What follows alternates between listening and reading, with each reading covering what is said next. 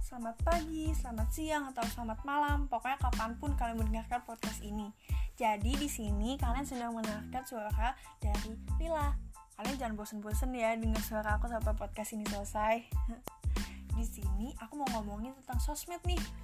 Kita ini sedang hidup di zaman yang komunikasi itu mudah dan biasa. Hidup di zaman yang jarang melakukan tatap muka, tetapi berkomunikasi lewat media sosial media sosial seakan sudah menjadi salah satu kebutuhan utama sekarang ini, terutama bagi anak muda.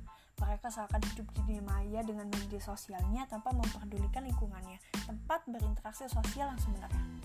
Media sosial itu ada apa aja sih?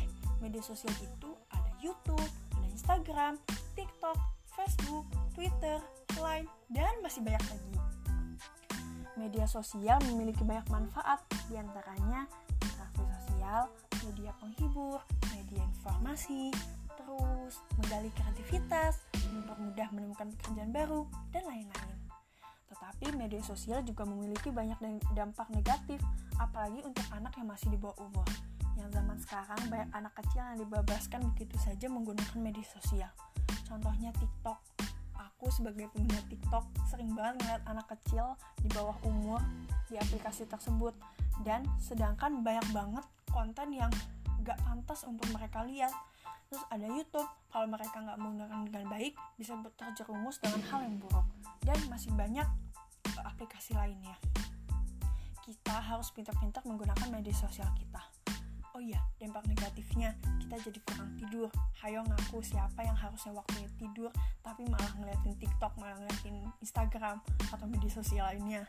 Terus muncul rasa iri hati kurang berinteraksi secara langsung, terus kurang banyak gerak, terus menimbulkan rasa malas, dan masih banyak lagi.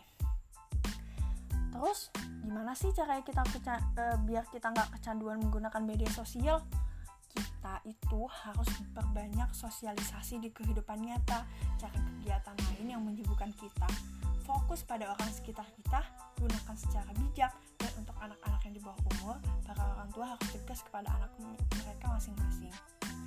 Oke, sampai segini dulu podcast kita hari ini. Sedih banget harus berpisah sampai sini. Aku mohon maaf, aku mohon maaf banget ya kalau misalnya ada kekurangan atau ngomongnya belibet-belibet. Oke, so bye bye, sampai ketemu lagi.